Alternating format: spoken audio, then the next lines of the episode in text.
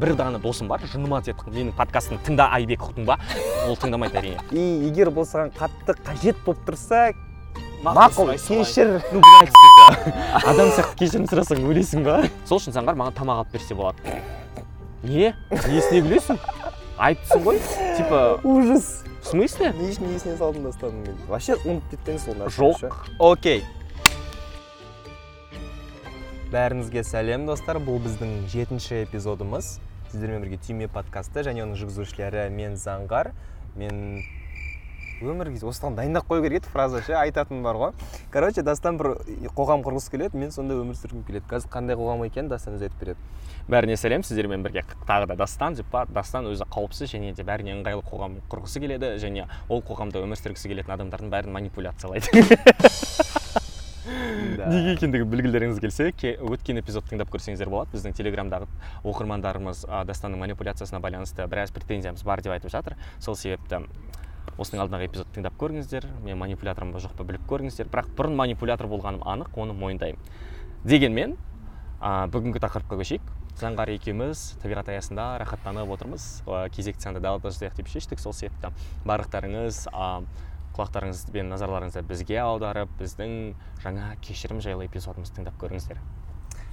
Иә сіздерден алдын ала кешірім сұраймыз. Өйткені бұл тақырып бұл эпизод негізі әзіл туралы болу керек еді. Бірақ ә, ойлана келе әзіл туралы 20 минут езгенше одан кешірім туралы кішкене назымызды айтып толғатып тебіреніп ой толғап әзіл туралы ә, бір 10-15 минуттық шағын қосымша эпизод жазайық деп шештік. Сонымен мен шештім негізі мойындаңыздар иә оны маған бүгін айтты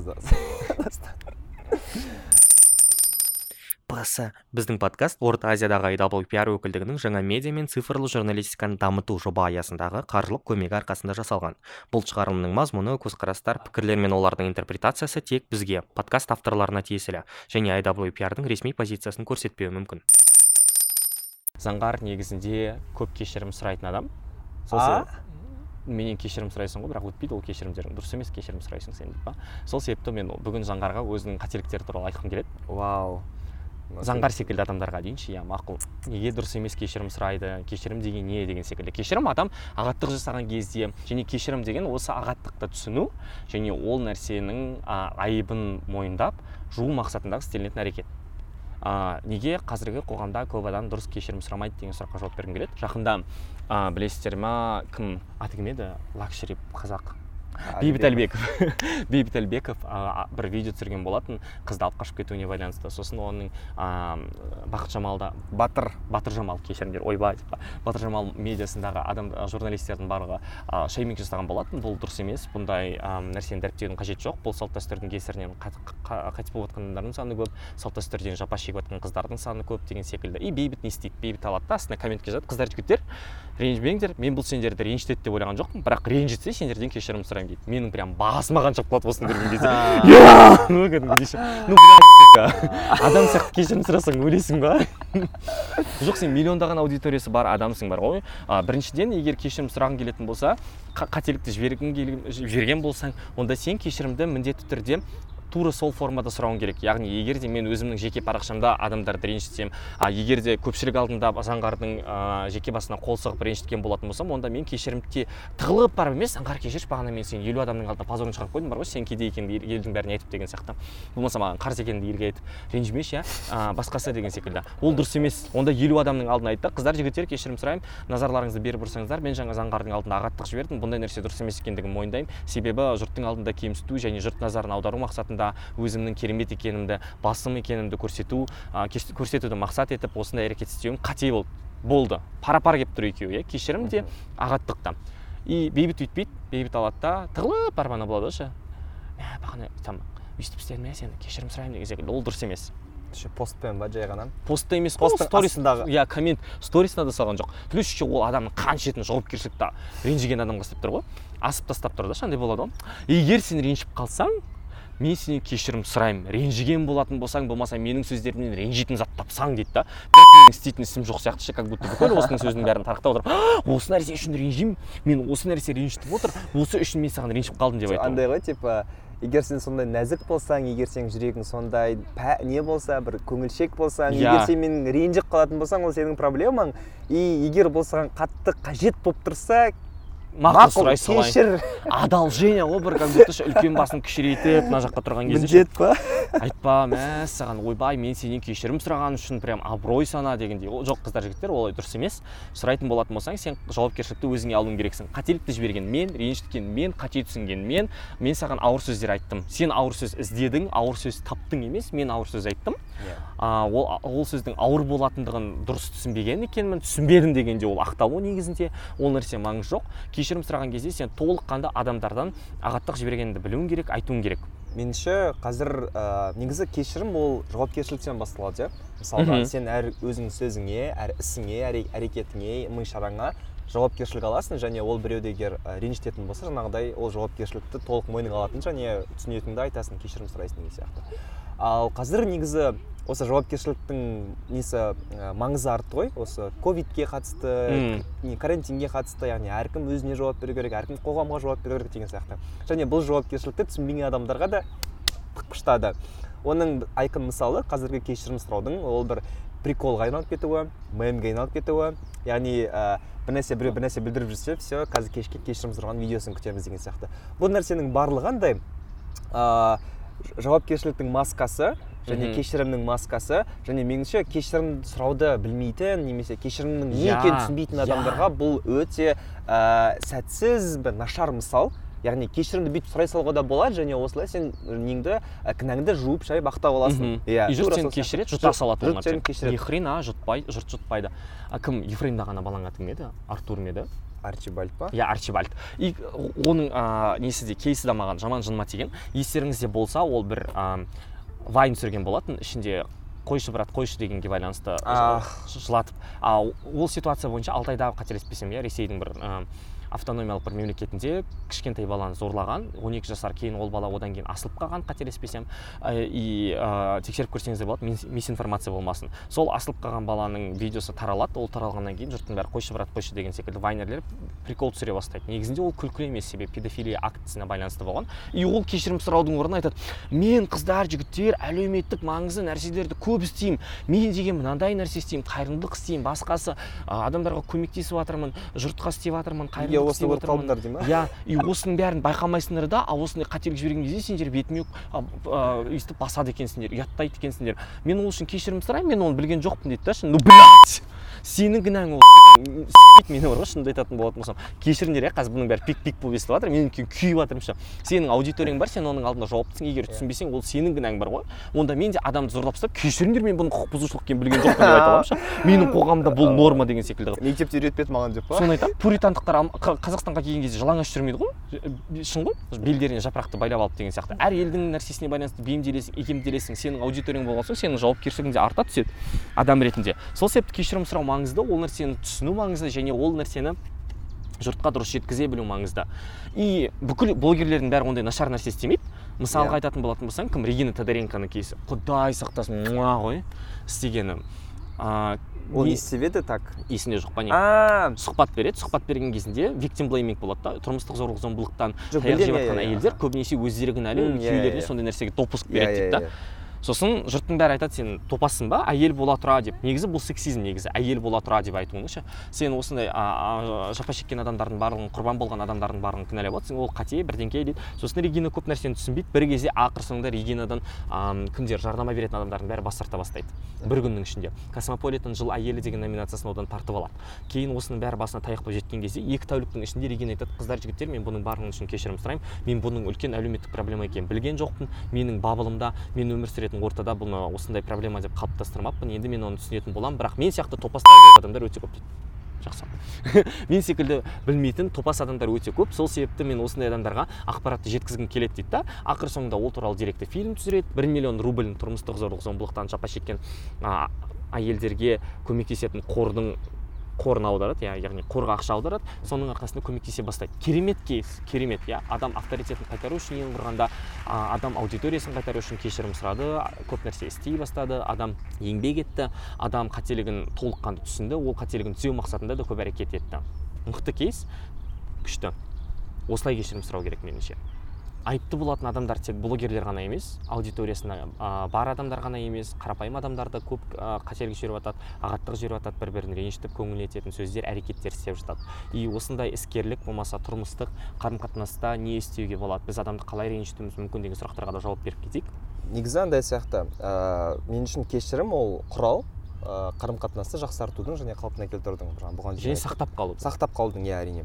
Ал ә, кешірім сұраудың несі меніңше не сияқты бір ә, бір бір затты құрастырған кезде машина жасаған кезде соңынан шлифовать етіп шығасың ғой М, шлифовать етіп әрлеп ә, бүкіл қырларын текстеп деген сияқты тура сол сияқты егер бір адаммен қырылатын болсаң егер әрекетінде бір ә, ит терісін басыңа қаптап боқтасып кететін болсаң мхм. тура сол жерде ә, мақұл кешір деген нәрсе ол Өтпейді? ол, ол құрал нәрсе ол Иә. тупо бетіне лақтыра салған нәрсе сол үшін меніңше жаңағыдай бір үлкен қатты конфликттардан кейін кешірім сұрауды бір соның барлығын түсініп болғаннан кейін және тек өзіңнің айтқан сөздеріңе ә, өзі шынымен сенгеннен Иә, кейін барлығын саралап кішкене өзіңе Иә. келгеннен кейін ғана барып андай уже қарым қатынас қалпына келейін деп жатады ғой тура бір өзің толқынына келген кезде жаңағыдай қырлардың барлығын текстеп кешір мен осындай сөздер айттым. Иә. Мен сенен осындай сөздерің үшін кешірім сұраймын деген сияқты бір ашу үстінде емес. Иә ашу үстінде емес. Яғни оның айтатын жері де бар айтатын кезі де бар. Жалпы кешірім сұрау ә, адамға өте қиын нәрсе ғой кешірім сұрау. М, ә, бұл кезде андай бір көрінеді ше біз как будто жеңілдеп қалатын сияқтымыз көрінеді бір кешірім сұрасаң жеңілдеп қаласың типа ашыл айт бүйт жаңағы сезімдермен бөліс деген сияқты. Керісінше сен кешірім сұрамаған кезде бір өзің спокойно сезінесің. Өйткені ә, адам кешірім сұра адам не үшін кешірім сұрайды өйткені ол өзінің дұрыс емес екенін мойындайды. Иә. Егер кешірім сұрамаса яғни ол өзінің дұрыс емес екенін мойындамайды демек ол өзінің әлемінің барлығы жаңағы дұрыс әлемнің барлығы оң. Тура сол әлем бір қалыпты сияқты сезінеді және өзін қауіпсіз сезінеді сол әлемде.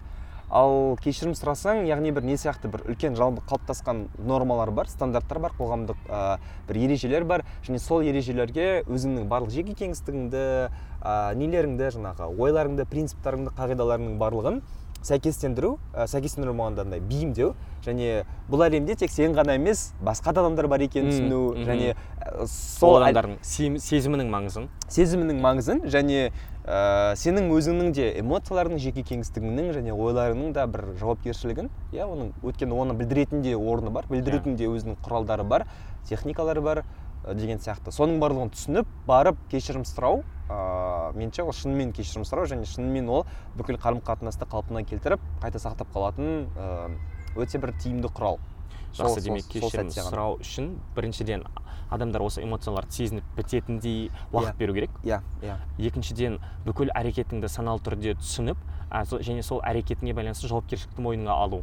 Иә. Жалтару емес. Иә яғни екі нәрсе сезіну жай ғана жұрт сұрау үшін болмаса жұрт талап еткен үшін кешірім сұрау емес саналы түрде түсініп барып кешірім сұрау. Негізі ә, біздің қазір қосымша бұдан кейін шығатын қосымша эпизодымызда болады әзіл туралы. Сол кезде әзілде ә, орынсыз әзілдеудің бір ә, типі жуып шайы салатын кешірімнің түрі бар. Ты чё прикол ғой? Ладно Иә. ладно М. ты чё деген сияқты. Өзіміз ғой е әзіл ғой. Бұның кешірім бірақ андай не да бір сен өзің ойын көтере алмадың и сенің проблемаң сенің проблемаң и егер саған сол нәрсе маңызды тұрған тура әлібеков сияқты саған тура сол нәрсе маңызды болып тұрса енді сори сосын менің жыныма тиетін андай ғой. Ә, сенің жақын адамың саған әртүрлі нәрсе айтуы мүмкін сияқты ше менің бір бір- бір дана досым бар жыныма тиеді менің подкастымды тыңда айбек ұқтың ба ол тыңдамайды әрине. Болмайды ғой стористарға. Е епты қабақ болып кетіпсің ғой семіріп кетіпсің ғой көт болмашы бір бәле бір бәле. Анау не қателік жіберіп қойыпсың журналист болып тұрып осындай нәрсе істеуге бола ма? Е заебал шығармашы бірдеңке дейді да.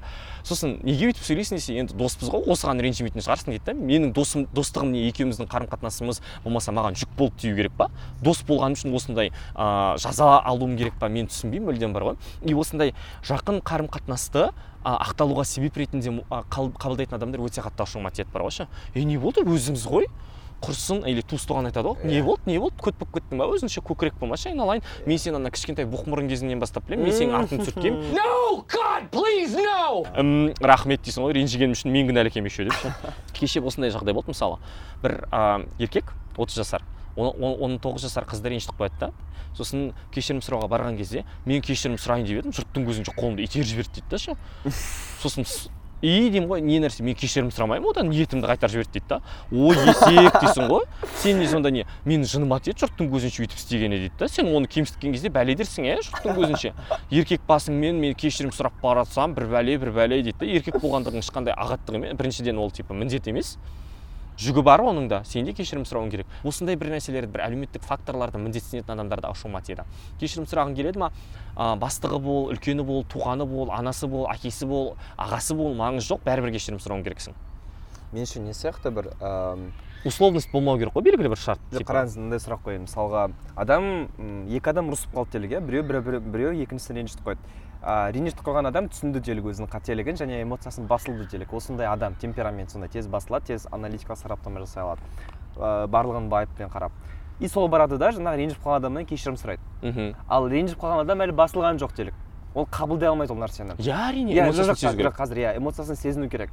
А, енді қараңыз ол шын ниетімен барып кешірім сұрап тұр и бұл кешірімге санала ма әлде ренжит ана адам оның басылғанын күту керек па? Біріншіден егер де сен шын ниетіңмен кешірім сұрағың келсе адамнан онда сен ешқандай шарт қоймайсың. Егер ол қазір мен жұрттың алдына барып кешірім сұрағанды қабылдамаса онда мен кешірім сұрамаймын. Кешір егер сен айыбыңды түсінсең толығымен онда сен көкірегіңді бір жеріңе тығып қоясың ғой айналайын. Онда ол ойнамайды ол жақта сенің. Үлкен болуың бастық болуың ә, әлеуметтік статусыңның жоғары болуы деген секілді ше. Сен кәдімгідей кешірім сұрайсың. Біріншіден егер адам жоқ дейтін болса онда екінші рет сезімін басуға мүмкіндік бер ашу басылуына деген сияқты. Егер мені жұрттың көзінше боқтап тастаса кемсітсе онда мен де бірден кешірім сұрай алмаймын өмірімде көп жағдай болған әсіресе айтамын жеке басқа қол сұққан деген секілді ше жұрттың көзінше пидор деп атағанда то есть мен ашуланамын әрине келіп братан кешір мен ондай нәрсе болады деп ойлаған жоқпын деп тұратын болса иә әрине көндім деп отырмаймын мен. Мен де иттерсің басына қаптаймын. Сен топоссың деген сияқты қылып ше өйткені білмеймін меніңше а, реакция болуы менде ондай заңды және ол реакция басылуы керек. Сосын сен күт, күткеннен кейін кешірім сұра. Егер кешірім сұрамаса онда мұсылман сияқты айта бер. Үш күннің ішінде ренжіс- ә, кешірсең кешір кешірмесең менің жүгімді көтеріп жүре бер. Болды. Жоқ андай емес па деп мысалға? Дінді тығып тастаңыз ба қараңыз ыыы тура сол сияқты біреу көз біреу жұрттың көзінше келіп сізді пидор деп айқайлап кетті. А сіз сізбен оның қа, екеуіңіздің араңыздағы қарым қатынас ондай қатты маңызды емес еді сіз ол адамды кешіргіңіз келмейді мүлде. Басылсаңыз да. И ол адам келеді да дастан мен түсіндім мен қателік істеппін мен топаспын сорри кешір дейді. Мхм. а енді қараңыз бұл жердегі мақсат сіздің кешіруіңіз ба әлде оның қателігін түсініп сізден алдыңыздан кешірім сұрап а, өз жауапкершілігін түсініп кеткен ме яғни кешірім деген нәрсе осы жерден біте ма әлде сіздің кешіруіңізбен аяқтала ма? Түсіндіре алдым ба? Иә түсіндіре алдың. Ам, біріншіден адамның кешіру маңызды болатын болса сен кешірім сұрайсың. То есть ол да ресурс қой. Мен белгілі бір жағдайға дейін үнемі тоқтамай кешірім сұрай беремін деген сөз емес. Ең бастысы кешірім сұраған адам өзінің айыбын мойындап сол айыбын жойғысы келеді. Егер де менің бағанағы кешір деген әрекетім келіп менің түсінігімде менің арымда арымды тынышталдыратын дүние болса менің әлемімде онда ол сонымен доғарады. Просто не сияқты ыыы айыбын жою жоқ мақсат айыбын жою әрине бірақ ә, айыбын жою тек бір адамға байланысты емес қой. Айыбының жойылуы иә? Тура сол мысалға неде ну бағанағыдай кешіре ма жоқ па өзі білсін деген ба тиктокта тиктокта прикол жүр ғой мысалға сен бокалды жоқ. Танымал мысалы бокалды сындырып одан кешірім сұрасаң ол қайтадан қалпына келмейді деген сияқты. Яғни сен адамға пидор деп айтып қойсаң все айтып қойдың уже масқара қылдың көңіліне не келдің жаңағыдай сызат түсірдің все бітті жасап қойдың. Ал просто бұл жерде кешірімде не сияқты маңыздысы сол нәрсені түсіну және келесі қайталамауға тырысу. Ал ол кешірім А, иә. кешірімің жо- айыбың жойыла ма жойылмай ма? Ол уже сенің ада- адаммен қарым қатынасыңа байланысты ол адамның көңіл күйіне байланысты және ол адамның ә, саған деген көзқарасына байланысты. сүюге байланысты. Тодоренконың мысалы тура сол иә яғни түсінді айыбын жуды шайды и екінші рет қайталамады иә енді о- оған ренжіп қалған адамдар и кешіргісі келмейтін адамдар енді ол уже өз еркінде ол типа бүкіл ә, мойнына артылған нәрсенің барлығын жауапкершілігін атқарды. И қабылдау керек болған әрекеттің барлығын істеді. Ок Иә. ок болды. Иә, оның оның ары таза и болды. Енді енді қызық нәрсеге келейік. Мен неғып дұрыс кешірім сұрамайды екенмін мысалы Аха. заңғар бір жыл бұрын менен сұхбат алған болатын. Сол кезде сұхбаттың барысында ойлаңдаршы ютуб шоу түсіріп жатыр екі адамды сарапшы ретінде шақырады. Мен келемін ар жаққа студияға кіру үшін а, кроссовкаңның табанын жуғызып қойды губкамен позор өмірімде ондай қорлықтан өтпегенмін жуып келіп отырып мәз отырсаң танысып қойыңыздар бұл аян қалмұрат ол журналист және танысып қойыңыздар дастан а, инстаграмда өзін журналист деп атап қойыпты дейді да ше. Бля! Дейсің ғой енді? Ананы көрген жеті жүз адам бар ше? Соның содан кейін норм кешірім де сұраған жоқ бар ғой. Ол, ол айыбын да түсінбейді бар ғой ше? Сарапшы ретінде шақырып тұрып жұрттың көзінше сенің сарапшылдығыңа күмән келтіріп қойып қояды да? Сосын типа сори донт worry ну ренжісем кешір деген секілді қылып айта сал болды. Мен сізден кешірім сұраған жоқпын вообще. Жоқ мал. Бүйтіп айтуға болмайды дегуманизация деп бірақ ол мал. Жоқ мен мүлде есіме түсіп кетті. қазір ғана есіме түсіп қазір ғана есіне салғам сөйтсем қазір ғана ол менің бетіме басып отыр екен. Жақсы тап болған екенбіз. Вот иә. міне бұл дұрыс емес кешірім сұрау. Заңғар не істеу керек еді? Біріншіден кез келген кешірім сұраған кезде өз қателігіңді мойындау керек. Иә. мен кешірім сұраймын ә, ренжіме деген секілді. Енді келесі себебін түсіндіресің не үшін деген секілді ше? Не үшін оны жасадың ба әлде не үшін ренжімеу керек па? Жоқ енді мен не үшін бұл нәрсені айтып жатырмын деген секілді. То есть біріншіден дастан а, мен сенен кешірім сұраймын. Бұл саған бұл сенің көңіліңе тиеді деп ойлаған жоқпын ол кезде. Болмаса бір қызық болады деп ойладым. Екеуміздің болмаса қарым қатынасымыз сол кездегі бір жақсы әзіл деңгейінде болады деп ойлағанмын мен сол нәрсеге байланысты кешірім сұраймын. Сенің ренішіңді түсінемін сенің ренжу себебіңді де түсінемін. Қазір андай задней памятью дейді ғой ше? Тура сол уақыт өте келе түсініп отырмын деген секілді. Маған ә, жұрттың көзінше сені өйстіп сарапшы ретінде шақырып отырып сарапшылығыңа күмән келтірмеуім керек еді. Мен осындай қателік жіберіппін айыпты болдым деген секілді қылып. Үш жауапкершілікті түсіну иә? Яғни бағанағыдай болмайды егер типа егер ренжіткен болсам кешірім сұраймын. егер осындай болып ә, көрінген болса кешірім сұраймын. Кешірім сұраймын бірақ деген секілді әңгіме болмау керек. Мен кешірім сұраймын не үшін деген секілді. Ше бірден айтасың. Ам, и жауапкершілікті белгілі бір жағдаятқа да жіберудің қажеті жоқ. Мен ашулы болдым долы болдым. Ыыы үйден мамам ұрсып шыққан еді таксист қанды ішті бірдеңке бірдеңке. Ыыы долы болып тұрған кезімде қол, қол астыма түсіп қалдым деген секілді емес. Болмаса мен ол кезде жас болдым біліксіз болдым кешірім сұраймын дегендегідей. Болмайды. Сори сен белгілі бір жағдаятқа жауапкершілікті асып тұрсың. Мен кешірім сұраймын мен ол кезде ақымақ болдым мен ол кезде жас болдым мен ол кезде журналистік тәжірибем аз болды сұхбат алу өнерім де аз болды. Ол кезде ол нәрсенің осындай екендігін білген жоқпын. Осы нәрсе үшін кешірім сұраймын. Ок мен бұл кешірімді қабылдаймын өйткені заңғар өзінің жауапкершілігін түсініп отыр деген секілді. Төрт кешірім сұраудың келесі компоненті болады. Мысалы белгілі бір сол айыптың артын өтеу амалы болады. Кешірім сұраймын осындай да осындай. Ендігі кезекте қайталанбас үшін тодоренко айтады. Мен бір миллион рубль беремін дейді. Енді заңғарда ондай ақша жоқ. Сол үшін заңғар маған тамақ алып берсе болады. Не? Несіне күлесің? Айыптысың ғой. Типа ужас. в смысле? Не үшін есіне салдың дастанның мен. Вообще ұмытып кеткен сол нәрсе жоқ. мен мен ондай реніштердің барлығын блокнотқа жазып отырамын заңғар. Нервқа тимей ұқтың ба ол блокнотта әлі көп. Кешірім сұраймын. Сый алып берсеңіз болады көңілін көтерсеңіз болады. Айыпты өтеудің амалын істеу керек иә кез келген жағдайда. Адамға ол бақытты ну қуаныш сыйлайтындай. И бес ең басты нәрсе. Келешекте бұл нәрсе қайталанбайды. Бұл нәрсені қайталамауға тырысамын. Бұл нәрсе ә, қайталанып жатса ә, қайта, ну короче ең бастысы өзгеріс болу керек сенің әрекетінде. Мен келешекте өйтпеймін. Жалғыз дастанға қатысты емес мен бәріне осындай нәрсені іс- істемеймін. Бәріне қатысты. Күмән келтірмеймін сарапшылығына жұрттың көзінше мазақтамаймын ютуб шоуға ондай мазақты салмаймын деген секілді нәрсені айту керек.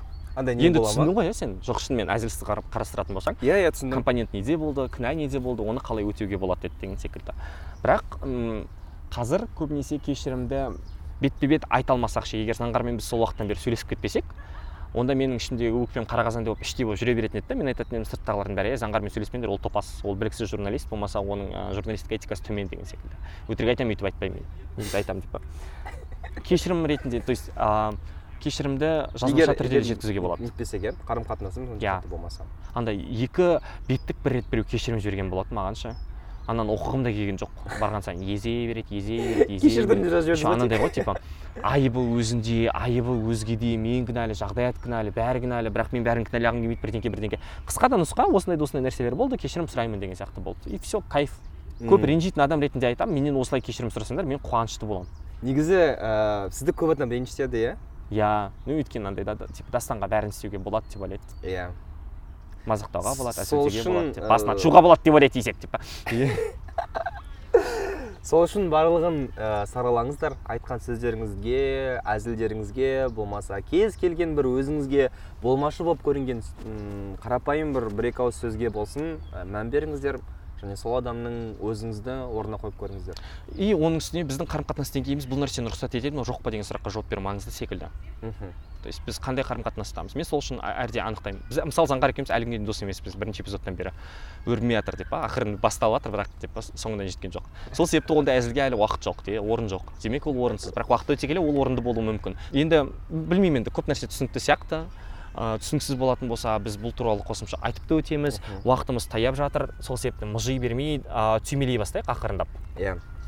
Сонымен? Бірінші түйме ә, кешірім деген ол қарым қатынасты қалпына келтірудің және сақтап қалудың құралы және амалы. Оны дұрыс қолдану керек.